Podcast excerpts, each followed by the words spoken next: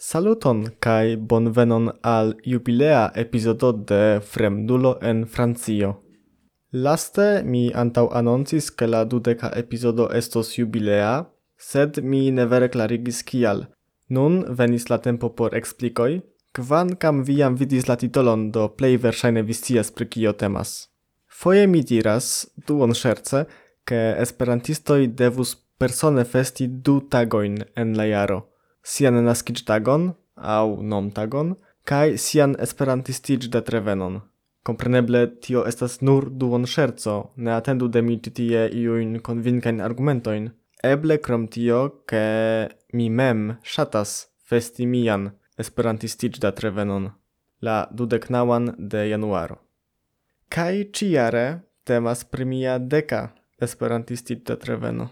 Jes, antaŭ precize dek jaroj Mi sercis en Google iun kurson de Esperanto, printis la unuan lecionon kaj komencis legi.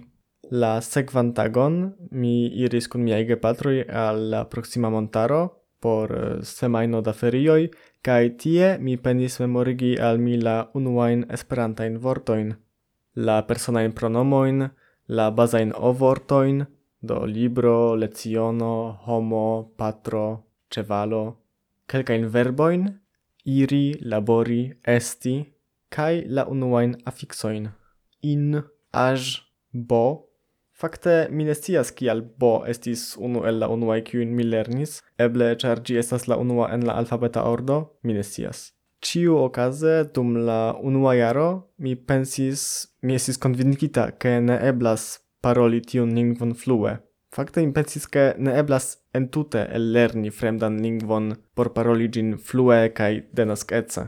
Nur poste mi aŭdis vivan Esperanton unuafoje en la podcasto Varsovia Vento kaj tio estis por mi grandega malkovro. Unu jaron poste mi unuafoje ekkonis esperantiston. Poste mi unuafoje iris al Esperanta kongreso, poste unuafoje al Esperanta kultura evento kaj poste al mia unua junulara Esperanto aranjo.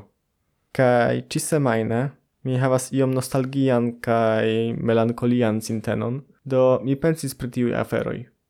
Mi ŝatus kompari, sed kompreneble mi ne povas kompari mian vivon andaŭ esperantistiĝo kaj post esperantistiĝo, ĉar vivo de ajna dek tria rulo estas nekomparebla al tiu de dudek du jarulo?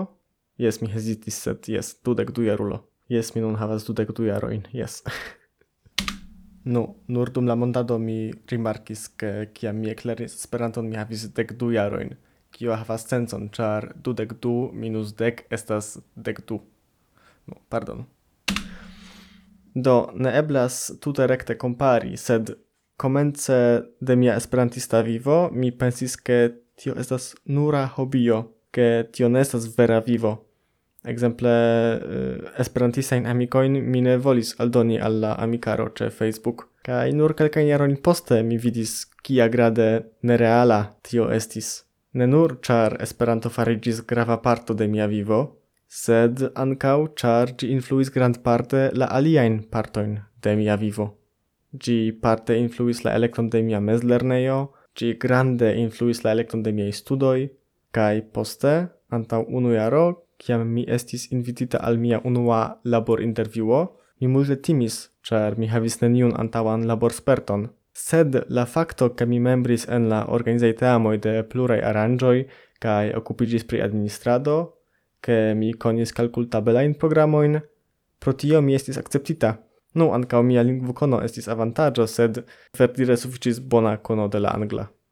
Kai compreneble oni povus diri ke Esperanto estas nenio elstara, nenio escepta. En la vivo de pluraj personoj estas io kio ŝanĝis la tutan vivvojaĝon de tiuj personoj.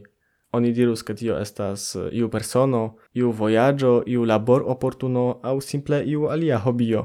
Sed kiam mi komparas min kun miaj amikoj, kiuj ankaŭ estas lingvo ŝatantoj, mi vidas ke la fakto esti lingvo ŝatanto ne sufiĉas char se vi simple shatas lerni lingvoin, vi povas havi grandajn avantaĝojn en labor mercato en persona vivo, en aliaj campo de via vivo, kaj tamen mi ne festas mian shaton de lingvoj, mi festas mian esperantistiĝon, mi festas mian rilaton kun Esperanto.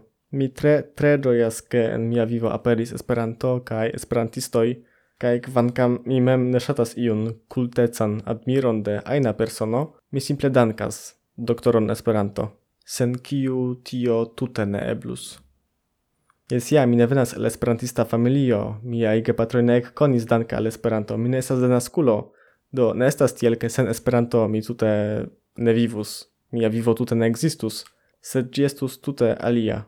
Tial la dudeknaŭan de januaro mi ŝatas danki la pasintecon, kaj ĉiare mi komencas mian duan esperantistan jardekon.